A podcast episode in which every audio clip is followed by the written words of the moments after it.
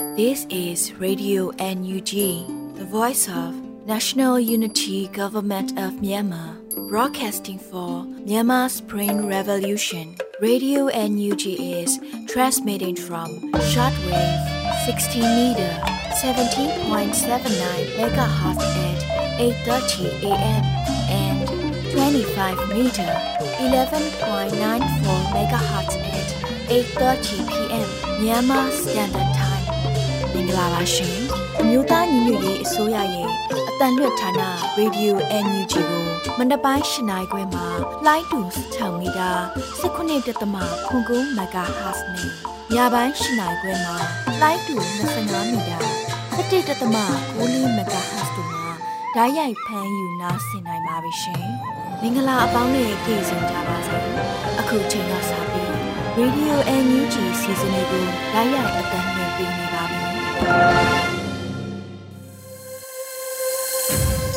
မြန်မာနိုင်ငံသူနိုင်ငံသားအပေါင်းတဘာဝဘေးစစ်အာဏာရှင်ဘေးတို့ကနေကင်းဝေးပြီးတော့ကိုစိတ်နှပါအေဂျင့်လုံခြုံကြပါစေလို့ Radio NUG ဖွဲ့သူဖွဲ့သားများကနှုတ်ခွန်းဆက်တာအပ်ပါတယ်ရှင်။ခုချိန်ကစပြီးပြည်ရင်းသတင်းများကိုຫນွေဦးမောင်ကတင်ဆက်ပေးမှာပဲဖြစ်ပါတယ်။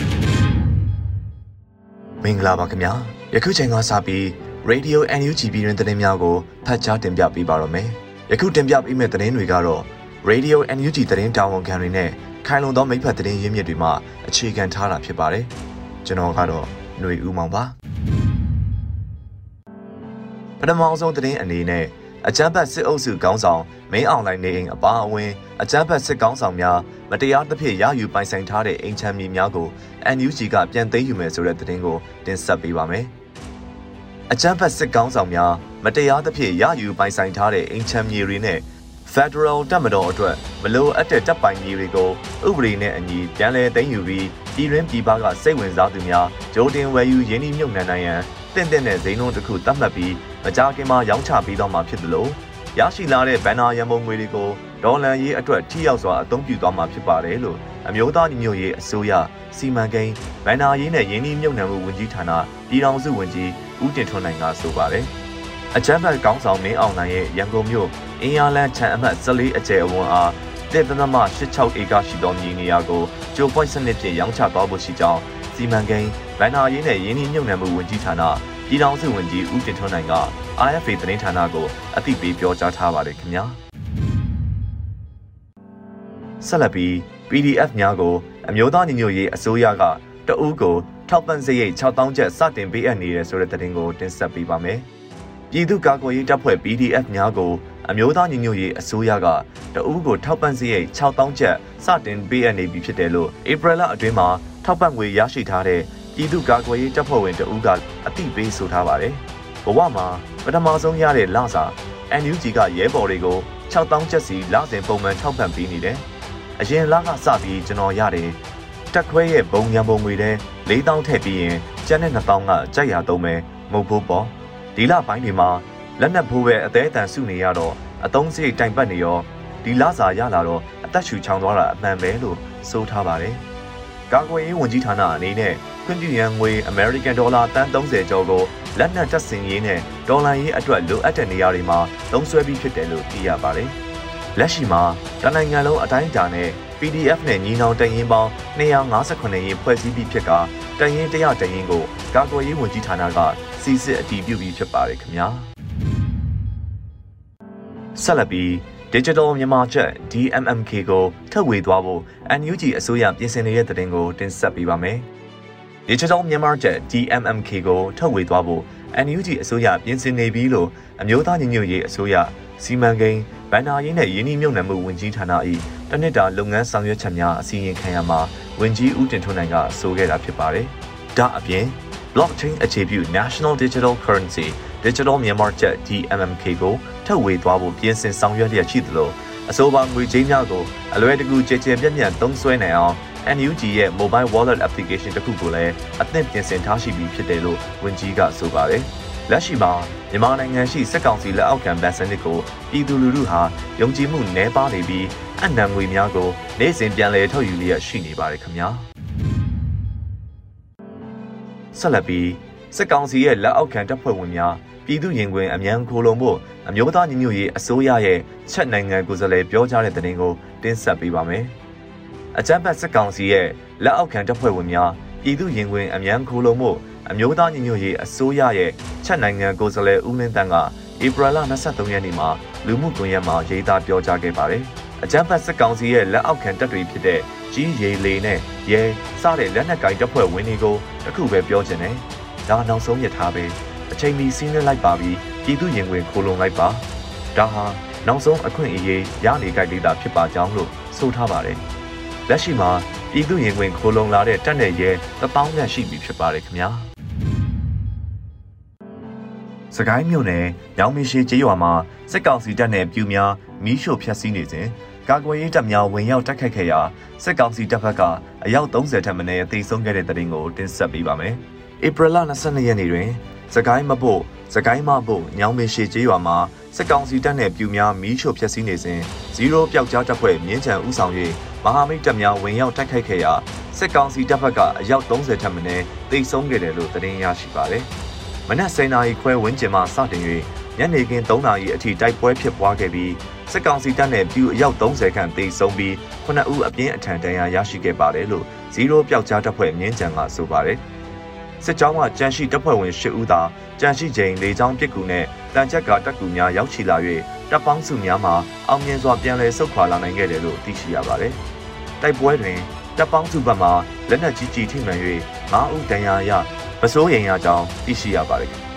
စစ်ကြောင်းပြန်လည်ဆုတ်ခွာချိန်0ပျောက်ကြားတပ်ဖွဲ့မှတပ်ဖွဲ့ဝင်တအူမြစ်ကိုဖျက်ကူးနေစဉ်ရေစီးနဲ့မျောပါ၍ကြာဆုံးခဲ့တယ်လို့သိရှိရပါတယ်ခင်ဗျာဆက်လက်ပြီးကတာမြို့နယ်ချောင်းဝရွာမှထွက်လာသောအကြမ်းဖက်စစ်ကောင်စီ၏ခြေလင်းစစ်ကြောင်းအားမြို့လာ KPDF တပ်မှ RPG 79mm များဖြင့်စောင့်ကြိုတက်ခဲ့ခဲ့တဲ့တဲ့ရင်ကိုတင်ဆက်ပေးပါမယ်။ကတာမြို့နယ်ချောင်းဝရွာမှထွက်လာသောအကြမ်းဖက်စစ်ကောင်စီ၏ခြေလင်းစစ်ကြောင်းများအား မြုံလာ KPDF တပ်မှ RPG 79mm များဖြင့်စောင့်ကြိုတိုက်ခိုက်ခဲ့တယ်လို့သတင်းရရှိပါတယ်။ဧပြီလ22ရက်နေ့ည9:00နာရီအချိန်အင်အား40ဦးခန့်ပါအကြမ်းဖက်စစ်ကောင်စီ၏ချင်းလင်းစစ်ကြောင်းဟာချောင်းဝရွာဘက်မှမင်းကြောင်ကုန်းရွာဘက်သို့ဦးတီထွက်ခွာလာစဉ်လန်ခုလက်အင်းဆောင်တနေရာ၌ဗိုလ်မိုးကျိုးဦးဆောင်သောမြို့လာ KPDF တပ်ခွဲတက်မှစောင့်ကြိုပစ်ခတ်တိုက်ခိုက်ခဲ့ပါတယ်။မြို့လာ KPDF တပ်မှ RPG လက်နက်နဲ့ 79mm များဖြင့်ပစ်ခတ်ခဲ့ရာစစ်ကောင်စီတပ်၏စစ်ကြောင်းချီရာအနီးကြောက်ရွံ့ပောက်ကွဲခဲ့ပါတယ်။အပြန်အလှန်ပစ်ခတ်မှုများဖြင့်အချိန်15မိနစ်ခန့်ကြာပြီးစစ်ကောင်စီဘက်မှပိတ်ဆုံးမှုများနဲ့အများအပြားထိခိုက်မှုရှိနိုင်ပါတယ်လို့ဆိုပါတယ်။ရိုးလာ KPDF တပ်မှအထီးအခိုက်မရှိအသာစီးဖြင့်ယူဟာကျကစားကွက်ရွှေ့နိုင်ခဲ့တယ်လို့ထုတ်ပြန်ပါတယ်ခင်ဗျာ။နောက်ဆုံးသတင်းအနေနဲ့အကြမ်းဖက်စစ်ကောင်စီရဲ့တောင်ပိုင်းတိုင်းစစ်ဌာနချုပ်သို့ တွေ့တန်းထားရှိသောလျှက်စစ်တအားလိုင်းဖောက်ခွဲခံခဲ့ရတဲ့သတင်းကိုတင်ဆက်ပေးပါမယ်။ပဲခူးတိုင်းတောင်ဦးခရိုင်ပြည်သူ့ကာကွယ်ရေးတပ်ဖွဲ့တပ်ရင်း3500တက်သည်ဧပြီလ22ရက်နေ့ကတောင်ဦးမြို့နယ်အတွင်းရှိအကြမ်းဖက်စစ်ကောင်စီရဲကင်းဖြစ်သောစပားကျွယ်ရဲကင်းစခန်းအားမီးရှို့ဖျက်ဆီးတိုက်ခိုက်ခဲ့ပါတယ်။ထို့အပြင်အကြမ်းဖက်စစ်ကောင်စီ၏တောင်ပိုင်းတိုင်းစစ်ဌာနချုပ်တာဖခါသို့တွေ့တန်းထားရှိသောရက်စစ်တပ်အားတိုင်အားနေ့လယ်12:35မိနစ်ခန့်ကဖောက်ခွဲတိုက်ခိုက်ခဲ့ပြီး အကြမ်းဖက်စစ်ကောင်စီ၏စီးပွားရေးထောက်တိုင်မိုင်တဲတာဝါတိုင်ကင်းစခန်းအားလည်းတနာရီ28မိနစ်ခန့်ကဝင်ရောက်တိုက်ခိုက်ခဲ့စဉ်စစ်ကောင်စီတပ်သားတအူဒဏ်ရာရရှိခဲ့တယ်လို့သတင်းရရှိပါတယ်။အလားတူပင်တောင်ကုန်ခရိုင်ပြည်သူ့ကာကွယ်ရေးတပ်ဖွဲ့တိုင်ရင်နဲ့ပူးပေါင်းအဖွဲ့တို့မှချမ်းတပင်မြို့နယ်အတွင်းရှိအကြမ်းဖက်စစ်ကောင်စီတပ်သားများတပ်ဆွဲထားသောတပြေးကျေးရွာကိစ္စကံအားလည်းဝင်ရောက်ပစ်ခတ်တိုက်ခိုက်ခဲ့ရာအဆိုပါကင်းစခန်းတွင်အကြမ်းဖက်စစ်ကောင်စီတပ်သား20ဦးခန့်စခန်းချရရှိပြီး မိနစ်20ခန့်အပြန်အလှန်ထိတွေ့မှုဖြစ်ပွားကစစ်ကောင်စီတပ်သား2ဦးကြာဆုံးခဲ့တယ်လို့ထပ်မံသိရှိရပါတယ်ခင်ဗျာ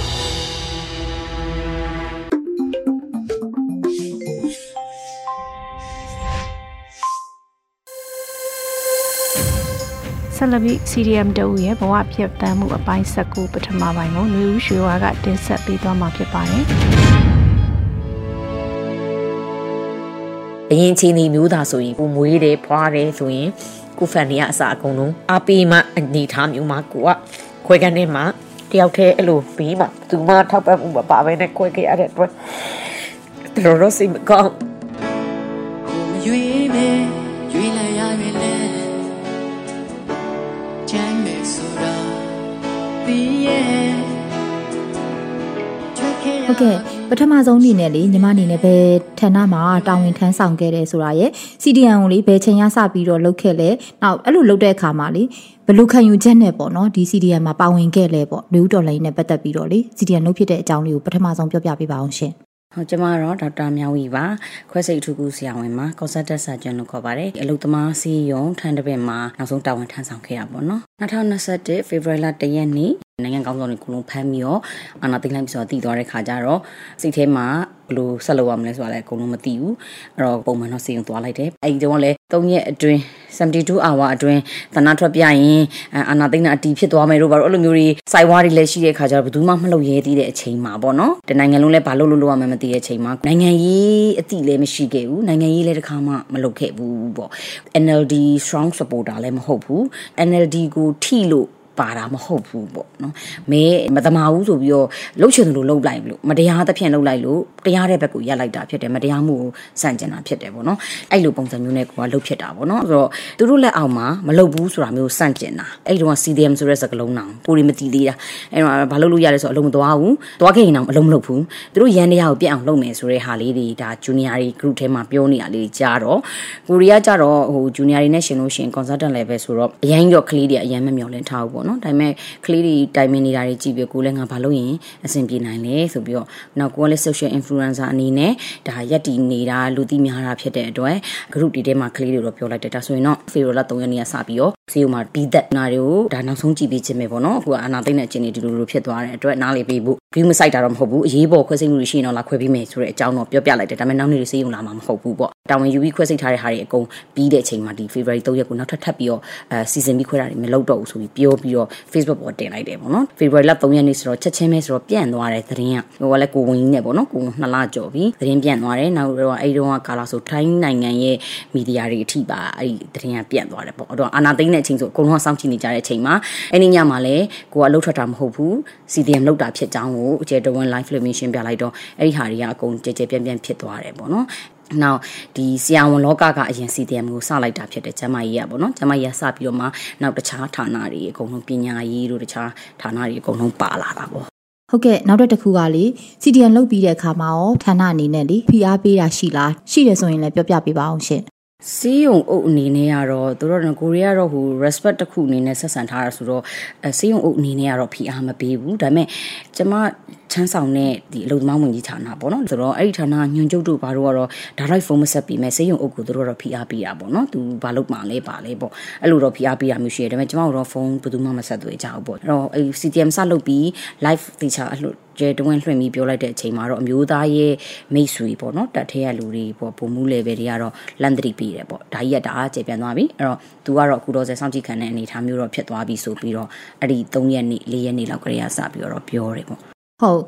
ဒီကိုကိုတိုင်ရလေအများသိတဲ့ဆယ်လီတယောက်လည်းဖြစ်တယ်ပေါ့နော်။နွေဦးတော်လိုင်းမှာဆိုလို့ရှိရင်လည်းဆရာဝန်တွေဆရာမတွေရဲ့ပေါ့နော်အခန်းကဏ္ဍကအစီတီယန်လုပ်တဲ့ပိုင်းရောလှုပ်ရှားမှုပိုင်းမှာရောအများကြီးတွေ့ရတယ်ပေါ့။အဲ့နဲ့ပတ်သက်ပြီးတော့ဒီတခြားလှုပ်ရှားမှုတွေအနေနဲ့ရောဘာတွေလုပ်ခဲ့လဲဘာတွေလှုပ်ရှားခဲ့လဲဒါလေးကိုလည်းသိပြစေရှင် ဟို CDM စလုပ်ပြီးတော့အဲတခြားဗေဌာနတွေကပါမလဲဘယ်သူကစထွက်မလဲပေါ့ဘာလို့ဟိုကျွန်တော်တို့ကဒီငင်းချမ်းစွာဆန္ဒပြတယ်ဆိုတဲ့ကိစ္စကိုလည်းစောင့်ကြည့်နေကြတယ်စိုက်ဝါးတွေကအများကြီးဆိုတော့ဘယ်သူကစထွက်မှမသိတော့ဒီမအီတင်စာမောင်တို့မန်လေးမှာဆိုကိုတေစာဆန်းတို့သူတို့တွေစထွက်ပြီးဆိုကြတဲ့ဒါ Fever Last Share အနေနဲ့စပြီးတော့ဒီငင်းချမ်းစွာအကြမ်းမဖက်ဆန္ဒပြတဲ့ပွဲတွေဖြစ်လာတယ်ပေါ့နော်အဲ့တော့အဓိကတော့ကိုက CDM နဲ့လုပ်လိုက်ပြီး consultant level လည်းဖြစ်လိုက်ပြီးနောက်ဆုံးပိတ်ကိုတော့အများကြီးတွေးထားတယ်ငါဘာဖြစ်နိုင်လဲရာထူး အလုပ်ပြုတ်နိုင်တယ်အပြစ်ဒဏ်တွေရှိလာမယ်ပေါ့နော်ဒီဝန်ထမ်းစီမင်းစည်းကမ်းရပြစ်ဒဏ်လည်းဖြစ်နိုင်တယ်လို့လက်ရှိအာဏာသိမ်းသွားတဲ့လူတွေဘက်ကလေဒါကိုနော်ပြစ်ဒဏ်တွေဒါလာနိုင်တယ်ဆိုတော့သိတယ်သိတဲ့အတွက်ကြောင့်မို့ favor လက်ရှိကနေစနာစပြပြီးဆိုကြတဲ့ကအိမ်မှာမနေဖြစ်တော့အိမ်မှာမနေဘဲနဲ့တခြားနေရာမှာခိုးပြီးတော့နေတိုင်းဆန္ဒပြထွက်တယ်အဓိကဆန္ဒပြရထွက်တဲ့ရွယ်ချက်ကမတရားမှုကိုတွန်းလှန်ခြင်းတဲ့ပြည်သူတွေအကုန်လုံး အားတက်စီခြင်းနဲ့အဓိကလူသိများတဲ့လူကရှေ့ရနဲ့ထွက်ပြရင်ကိုကနောက်ကလူထွက်စီခြင်းလို့တော့မဟုတ်ဘူးဒီတော်လန်ရေးကိုတရက်တာအကုန်လုံးပါဝင်စီခြင်းနဲ့အားတက်စီခြင်းနဲ့ အဲ့တော့ကြောင့်မလို့ရှေ့ရနေပြီးတော့အကုန်လုံးပေါ့နော်အတတရောတွေအကုန်ပါပြီးဖြစ်တယ်တောက်လျှောက်ထွက်တယ်မနေ့ဆိုရင်မနေ့စာလေးစားပြီးလို့ရှင်ထွက်သွားပြီးရင်ညနေ၄နာရီ၅နာရီလောက်မှာပေါ့နော်ပြီးလို့ရှင်ကိုကသီးခန့်နေလဲထိုင်ပြီးတော့လူနာတွေကိုတော့စက်ကြည့်ပေးဖြစ်တယ်ဂျားထဲမှာဆေးရုံကိုမသွားတော့ပြီမဲ့ဆေးရုံမှာအဲဆင်းရဲတဲ့လူနာတွေရှိတယ်အဲ့တော့သူတို့တွေအကုန်လုံးအပြင်ဆေးခန်းတွေလိုက်ပြပြီးတော့ခွဲစိတ်ဖို့လိုတယ်ဆိုရင်သူတို့အခချင်းတွေမယူတဲ့ဆေးခန်းတွေကိုလိုက်ချိတ်ပြီးတော့ပေါ့နော် CDM လှုပ်ရှားမှုအနေနဲ့ဒီလူနာတွေကိုပါအခမဲ့ခွဲပေးတယ်တချို့ဆေးခန်းတွေကလည်းဒီလူနာတွေအတွက်ကိုနော်သူတို့လည်း CDM လို့ပါဝင်တဲ့အနေနဲ့လူနာတွေအတွက်ကိုဘာမှအခချင်းတွေစီးပွားတွေအစအကုန်စိုက်ထုတ်ပြီးပြီးတော့ခွဲပေးတာမျိုးတွေရှိခဲ့ဘူးလေညီမတို့ဒီ February လတစ်လလုံးလုပ်နေတဲ့အချိန်မှာညီမရဲ့ page ကနေလည်းဒီလှုံ့ဆော်မှုတွေအများကြီးရေးသားတဲ့ခါကျတော့ February လ22ရက်နေ့မှာ social media ပေါ်မှာသတင်းအတူလိုလိုအဆက်လိုလိုစာရွက်နဲ့နော်ဝရန် list ထွက်တယ်905နဲ့တင်းနဲ့လေးပေါ့နော်88ယောက်ပါတယ်အဲ့88ယောက်ထဲမှာညီမလည်းပါတယ်ပေါ့နော်ကျန်တဲ့လူတွေတော့905ပဲပါတယ်ညီမတို့ကျတော့905ရောတင်းနဲ့လေးရောအဲ့အဲ့မှာပါလာတယ်ပေါ့နော်အဲ့တော့အဲ့ဒီအချိန်မှာပဲကိုရီးယားဘာလုပ်လိုက်ရလဲဆိုတော့ပထမပိုင်းရက်တွေကိုအမြန်ခွဲစိတ်ပြီးတော့နောက်ပိုင်းကို Viber နဲ့ပဲဒီ video call နဲ့ဖြစ်ဖြစ်ဒီ phone call နဲ့ပဲဖြစ်ဖြစ်အဲ့လိုကူပြီးဖြစ်တယ်ပေါ့အဲ့တော့ February လလကုန်တော့ကျတော့ကိုကငြိမ်လိုက်ရတော့တယ်အဲ့22ရက်နေ့ list ထွက်တယ်ငြိမ်လိုက်ရပြီမဲ့ကိုကကိုယ့်ရဲ့ page ကနေတော့ဆက်ပြီးတော့ CDM အတွက် support တွေလုပ်တယ်အဲလှူစရာရှိတဲ့လူတွေအကုန်လိုအပ်တဲ့နေရာတွေအကုန်လှူတယ်။နောက်ဟို fan လေးတွေလုပ်ပြီးတော့မှလှူတယ်။အဲ့ကိုဝန်နဲ့ကြရပုံနေရပြီမဲ့တောက်ချောက်ညီမတို့ကအဲ့လိုလုပ်ဖြစ်တယ်ရှင်ဟုတ် ဟုတ်ကဲ့ညီမ CDN စလုပ်တဲ့ချိန်မှာကိုဝင်နဲ့လို့ပြောခဲ့တယ်လေဒီကိုဝင်နဲ့ပေါ့နော်ဒီ CDN လောက်ထားပြီးနောက်ပိုင်းမှာကလေးမွေးဖွားဖို့အတွက်ကိုရောဘယ်လောက်ထိပေါ့နော်ဒါစိန်ခုံမှုတွေရှိလဲဘယ်လိုမျိုးပုံစံနဲ့ပေါ့နော်ဒီပေါ်မှာရှောက်လှမ်းခဲ့လဲဒါလေးကိုလည်းသိချင်ပါတယ်ရှင်ညီမစပြီးတော့ဒီ CDM စလုပ်တဲ့အချိန်တုန်းကကိုကနှစ်လခွဲလောက်ပဲရှိသေးတယ်အဲ့တော့တန်ငယ်ရေးပါမွားတဲ့ခါကျတော့လောင်းကာလဘယ်လောက်ကြာမယ်ဆိုတာလဲကိုရီးယားမသိဘူးအဲ့တော့ပြင်းပြောရင်တော့မြန်မြန်ပြီးမယ်လို့ထင်ခဲ့ဘူးတယ်ထင်ခဲ့တဲ့ခါကျတော့ကိုရီးယားတတက်တအားနောက်ဆုံးလုပ် ပြုတ်နိုင်တယ်โอเคပြုတ်ရပါတယ်ပေါ့လုပ်ပြုတ်ဒါငါတို့တင်မြောက်တဲ့အစိုးရပြန်ပြီးလာရင်ငါတို့ဒီလောက်ကငါတို့ပြန်လောက်ရမှာပဲဆိုတော့မျောလင်းချက်ကလေးရှိရဲအဲ့တော့စိတ်ထဲမှာတော့အော်တိုဒီ level ရောက်အောင်နှစ်ပေါင်းများစွာ12နှစ်ညီမဝန်ထမ်းတက်က12နှစ်ရုန်းကန်ခဲ့ရတယ်ကျောင်းတက်တဲ့ကာလတွေနဲ့ဆိုရင်18နှစ်လောက်ရှိရဲဒီကိုယ့်ရဲ့တသက်တာမှာတဝက်လောက်က ဒီဒီဘဲကိုလုံးနေရဆိုတော့အဲ့လိုအရာကိုဆွန့်လွတ်ခဲ့ရတယ်အဲ့တော့အဲ့တော့တွင်းမှာလဲဒီရန်ကုန်ထဲမှာပဲတခါမှမမြင်ဘူးတဲ့သစိမ်းတွေကနေပြီးတော့မှဒီညီမတို့နေကြထိုင်ကြတွေနဲ့ညီမတို့ဒါဖမ်းမမိအောင်နေနိုင်ခဲ့တယ်ပေါ့နော်ဒါပေမဲ့တခုရှိရတော့ကိုကဒီဆက်ပြီးပတ်လက်ခန်းကျင်းထဲမှာအ နေမထိလင်မထိပေါ့နော်အပြင်မထွက်ရဘူးကိုဝန်သေးတယောက်လောက်ရမဲ့ကျမကြီးစောင့်ရှောက်မှုတွေဘာတစ်ခုမှမယူခဲ့ရဘူးပေါ့နော်ဧပြီလ2ရက်နေ့မှာ905ကကြီးနဲ့သူတို့ရဲ့သတင်းမီဒီယာများဝရီကနေပြီးတော့မှဒါကြီးညာပြီးတော့မှ905 list ကိုတရားဝင်ထုတ်တယ်ပေါ့နော်အဲ့တော့အဲ့ရနေစပြီးတော့ကိုရီအပြင်မထွက်လို့မရတော့ဘူးကိုဝန်သေးတယောက်ဘိုက်ကိုပုံမှန်မအခဲ့ရဘူးအစားအသောက်တွေမစားနိုင်ခဲ့ဘူး အဲလမ်းမလျှောက်ခဲ့ရအောင်ဗိုက်ကြီးတွေဆိုပေမဲ့ကျမကြီးနဲ့ပတ်သက်တဲ့လှုပ်ရှားမှုတွေမှာတခုမှမလုပ်ခဲ့ရဘူးနေ့တိုင်းဒီလိုမျိုးဖြစ်ခဲ့ပြီးမဲ့ social media မှာတော့ကိုကဒါရေရေတောက်တောက်လျှောက်စန့်ကျင်မှုတွေရေးတယ်လှုံ့ဆော်မှုတွေရေးသားတယ်အဲ့လိုတွေလုပ်တယ်အဲနောက်ပိုင်းမှာဘာဖြစ်လာလဲဆိုတော့သူတို့ဘက်ကလည်းဒီ social media attack တွေနဲ့ report တွေထူတာတွေရှိရဲ့ page မှာပေါ့နော် page က report ခဏခဏကြတယ်ပြီးတော့ကြတော့နေ့တိုင်းတက်လာတဲ့အဲနောက်ပိုင်းအကြမ်းဖက်တွေလူကိုလူတွေပြစ်တက်ခံရတယ်ကိုကျမကြီးဝန်ထမ်းတွေတောင်မှပြစ်တက်ခံရတယ်ကလေးငယ်လေးတွေဒီဆန္ဒပြရင်းနဲ့လူငယ်လေးတွေနော်ကလေးဖီတွေအဲ့လိုအများကြီးပေါ့နော်အကုန်လုံးပြတ်သက်ခံရတဲ့ချိန်မှာကိုဝန်တဲ့တယောက်အနေနဲ့ဟော်မုန်းနဲ့ changes အရာကလေးတွေသိရင်ကိုမှဟိုဘိုက်နေပြီမဲ့အဲ့ချိန်မှာတားငိုခဲ့ရတယ် အရန် social media မှာကြည်လေသတင်းတွေကတက်လာလေလေအရန်ကိုစိတ်တက်ကြစရာကောင်းခဲ့တယ်ပေါ့နော်အဲ့တော့ကိုတင်ခက်ခဲတာတော့မဟုတ်ဘူးဒါလူတိုင်းနှီးပါဒီ CDM လောက်တဲ့လူတွေအကုန်လုံးကခက်ခဲမယ်ဆိုတာလည်းသိပါတယ်နားလဲလေတယ်ခလေးလဲပုံရင်ခွင်းနဲ့ပဲခက်ခက်ခက်မှုခဲ့ရတယ်ကိုရီလွတ်မြောက်ဖို့လမ်းစာလည်းမရှိဘူးဘယ်ချိန်မိသွားမလဲဆိုတော့စိုးရင်စိတ်နဲ့အမြဲတမ်းညဘက်ဆိုအိတ်ကောင်းချက်မအိတ်ရအမှန်ရဲ့ဘေးမှာအေစင်းစစ်နေပြီးတော့ဘေးမှာဝင်ဖက်နေပြီးဆိုရင်အရန်သွေးပြက်မတက်တုံလို့ချောက်ချားခဲ့ရတယ်ပေါ့နော်နောက်တစ်ခုက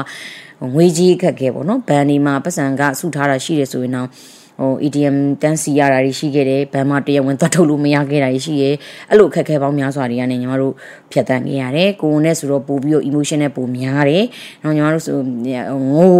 နေရခဲ့ရတာပေါ့နော်နော်ကိုယ်သေးတယောက်ကတမန်ချိန်မှာတောင်မှအကုန်လုံးကဖေးဝိုင်းဖေးမှဂယူးဆိုင်ပြီးနေခဲ့ရမယ့်အချိန်မျိုးမှာအကုန်လုံးနဲ့အဆက်အသွယ်ဖြတ်ခဲ့ရတယ်နှစ်ဦးနှစ်ဖက်မိဘတွေနဲ့မိတ်ဆွေပေါင်းတင်နေတဲ့ပါအကုန်လုံးဖြတ်တယ်တချို့မိတ်ဆွေတွေကြတော့လေဝရမ်းပါတဲ့အခါကျတော့ မဆက်သွဲရဲတော့တာလည်းပါတာပေါ့နော်ဒါလည်းသူတို့လည်းနားလဲပြီးပါတယ်အဲ့တော့ကလေးမွေးဖို့အတွက်ပြပြဿနာရှိလာတယ်။ဦးကြီးတယောက်ကောင်းမှုကြောင့်မလို့လူမသိသူမသိကိုရဲ့ဟိုအိမ်နာမည်နဲ့ပဲမွေးခဲ့ရတယ်ဘယ်သူမှမပါဘူး။နော်ဒီလင်မယားနှစ်ယောက်တည်းပဲသွားပြီးတိတ်တိစိတ်နော်ခွဲကန်းထဲမှာဆိုညီမဆိုမျက်ရည်တွေကြခဲ့ရတယ်။ဘာလို့ဆို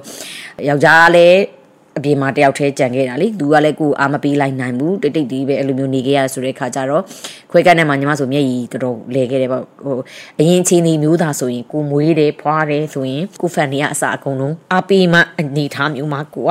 ခွဲကန်းထဲမှာတယောက်တည်းအဲ့လိုကိုကခွဲစိတ်ဆရာမဆိုပေမဲ့သူများသာခွဲခဲ့ပေမဲ့ကိုတကယ်ခွဲရမယ်ဆိုတဲ့အချိန်ကျတော့ဘေးမှာသူမှထောက်ပံ့မှုမပါဘဲနဲ့ခွဲခဲ့ရတဲ့အတွက်တော်တော်စိတ်မကောင်းအဲ့ခွဲခန်းထဲမှာဆိုရင် အဲတခြား OG ရဲ့ဘောနော် assistant ဆရာဖြစ်ပါလိမ့်မယ်။ तू ကလာတော့အဲကိုကသူ့ကိုလိုက်ကြည့်နေတဲ့ချိန်မှာအဲ့ဆရာကိုကြောက်နေရဆိုတာသိလို့လည်းတူပါတယ်။ तू ကတော့ကိုမန်းသိလို့တော့မဟုတ်ဘူး။ဒီကလေးမလေးကြောက်ပြီးလိုက်ကြည့်နေတယ်လို့ထင်လို့တော့ခေါင်းလေးကိုပုတ်ခေါင်းပုတ်တဲ့ချိန်မှာတားဝမ်းနေပြီးကိုဖြစ်တယ်ဘောနော်။ညီမမွေးဖွားတာအစညီမတို့မှာခက်ခဲခဲ့တယ်နော်ခက်ခဲတယ်အကုန်လုပ်ခဲ့ရတယ်။မွေးပြီးတော့လေကိုကလေးကိုကိုကလေးကိုအကောင်းဆုံး အကောင်းဆုံးဆိုကလေးကမွေးပြီးတော့လဲတော့အဝင်တယ်ပေါ့နော်ညီမတို့ဆေးကတစ်ပတ်ကြာတယ်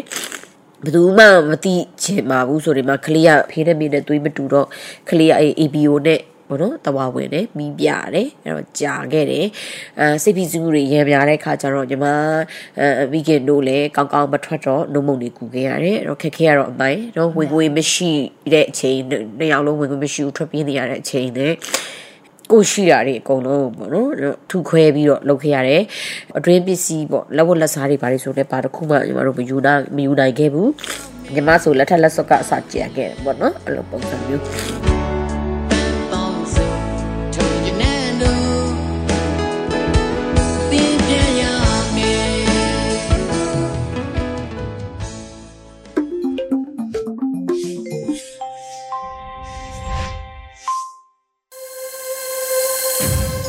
ရေဒီယို NUG ရဲ့တော်လိုင်းဒေဂီတာကဏ္ဍမှာတေးရီစလိုင်းထိုင်းကီတေးဆူချမ်းမြေညိုဟာမိုနီလာမွေဤတို့ရဲ့တစ်ချိန်လုံးကငင်းချမ်းရမြေဆိုတဲ့တေးသချင်းလေးကိုနားဆင်ကြရပါမယ်ရှင်။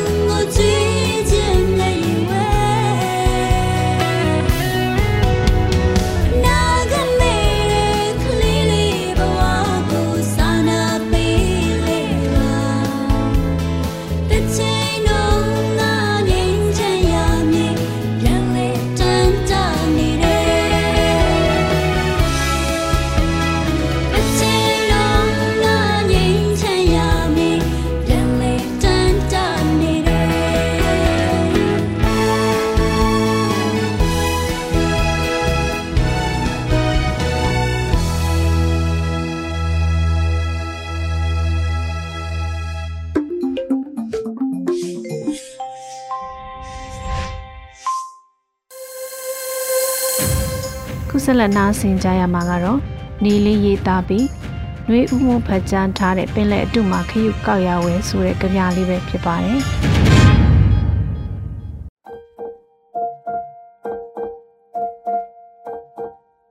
ပင်လေအတုမှာခရုကောက်ရဝဲအမဲလိုက်ပွဲမှာနေခွေးအုပ်ကိုအနံ့သွားပေးလို့မရဘူးတက်ကွင်းမသေးချိုင်ကြားရဲလဲရှောင်လွဲရတာပဲ ကြားရလားကြားကြီးမီတာလမ်းကိုစီးထားစမ်းပါညီလေးရာတန်ဖိုးချင်းကွာမှန်းတိတိရက်နဲ့လောင်ကြရတချို့အလဲ့တွေမှာအစားခံကြရတာပေါ့ငါတို့မှာငွေအတုမှမရှိတာအသက်စစ်စစ်တွေရင်းရနာတာတော့နာတာပဲဒီကစားပွဲကို နောက်လူတွေလက်ထဲလွှဲမပေးတော့ဘူးနိုင်ကိုနိုင်အောင်တိုက်ကြရမယ် ဒါဟာမျက်ရည်နဲ့သွေးဖို့မလိုဘူးတက်သေးတွေလည်းမတရားယုံမှာစကားရှုံးဖို့ပဲရှိရဲ့အဲ့ဒီတော့မပိုင်ရင်အစမထွက်နဲ့ပိုင်ရင်ချခဲ့ညီလေးမင်းအသက်ကိုမင်းအမေပေးခဲ့တာမင်းကတိုင်းပြည်အတွက်ပြန်လှူလိုက်တာမသိရင်အရင်ပဲညီလေးနိုင်ရင်တော့အမျက်နိုင်ချင်ရင်တော့ကတ်ထားစင်ကျင်တုံတရားနဲ့ စကားဝဲတဲ့ငါတို့ခရီးအမားနဲမှမြန်မြန်ပြီးမယ်ငါတို့ယုံကြည်မှုကလူသားအခွင့်အရေးငါတို့ရှောက်နေတာကပြည်ထောင်စုလမ်းပေါ်ငါတို့နဲ့အိုးစားဖတ်တွေကဘာသာနယ်စီမချငါတို့ကိုဘသူမှတားဆီးလို့မရတော့ဘူးအရွယ်တူကျဲပြူတွေပဲရှိစေရမယ်ကောင်းကင်မှာလာမှောင်ရဲတဲ့ကောင်တွေကို ပေါချဆုပ်ပစ်မယ်နေလင်း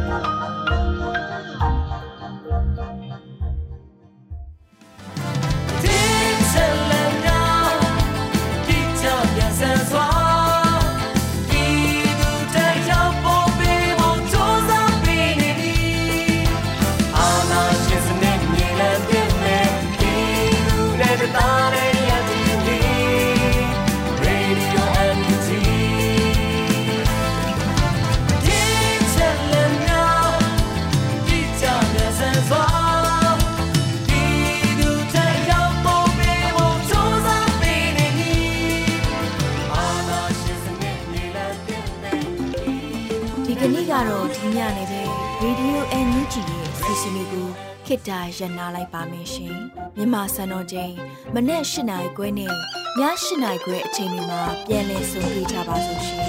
Radio NUG ကိုမနေ့ပိုင်း၈နိုင်ခွဲမှာလိုင်းတူ16မီတာ19တက်တမခုကူမဂါဟတ်နဲ့ညပိုင်း၈နိုင်ခွဲမှာလိုင်းတူ25မီတာ17တက်တမ9မဂါဟတ်တို့မှာဓာတ်ရိုက်ဖမ်းယူနားဆင်နိုင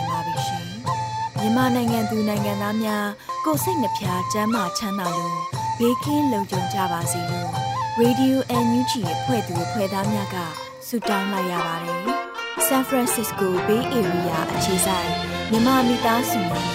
နိုင်ငံတကာကစေတနာရှင်များလိုအားပေးများရဲ့ Radio NUG ဖြစ်ပါတယ်ရှင်အရေးတော်ပုံအောင်ရမည်